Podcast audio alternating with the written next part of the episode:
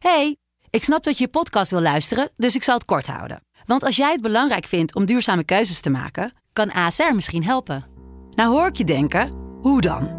Nou, bijvoorbeeld bij het duurzaam herstellen van schade. Of de premies die we beleggen volgens ons duurzaam beleggingsbeleid. Dat bepaalt waar we wel en juist niet in investeren. Wil je meer weten over welke duurzame keuzes ASR maakt? Ga dan naar asr.nl slash duurzame keuzes. ASR doet het. Zo, dan kan je nu lekker naar je podcast luisteren. Hey, ik snap dat je je podcast wil luisteren, dus ik zal het kort houden. Want als jij het belangrijk vindt om duurzame keuzes te maken, kan ASR misschien helpen. Nou hoor ik je denken, hoe dan? Nou, bijvoorbeeld bij het duurzaam herstellen van schade. Of de premies die we beleggen volgens ons duurzaam beleggingsbeleid. Dat bepaalt waar we wel en juist niet in investeren.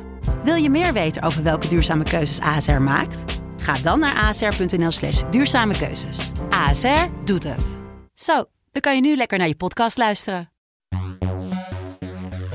Man, dit is Man, de kortste podcast van de hele wereld. René, je hebt weer een onderwerp.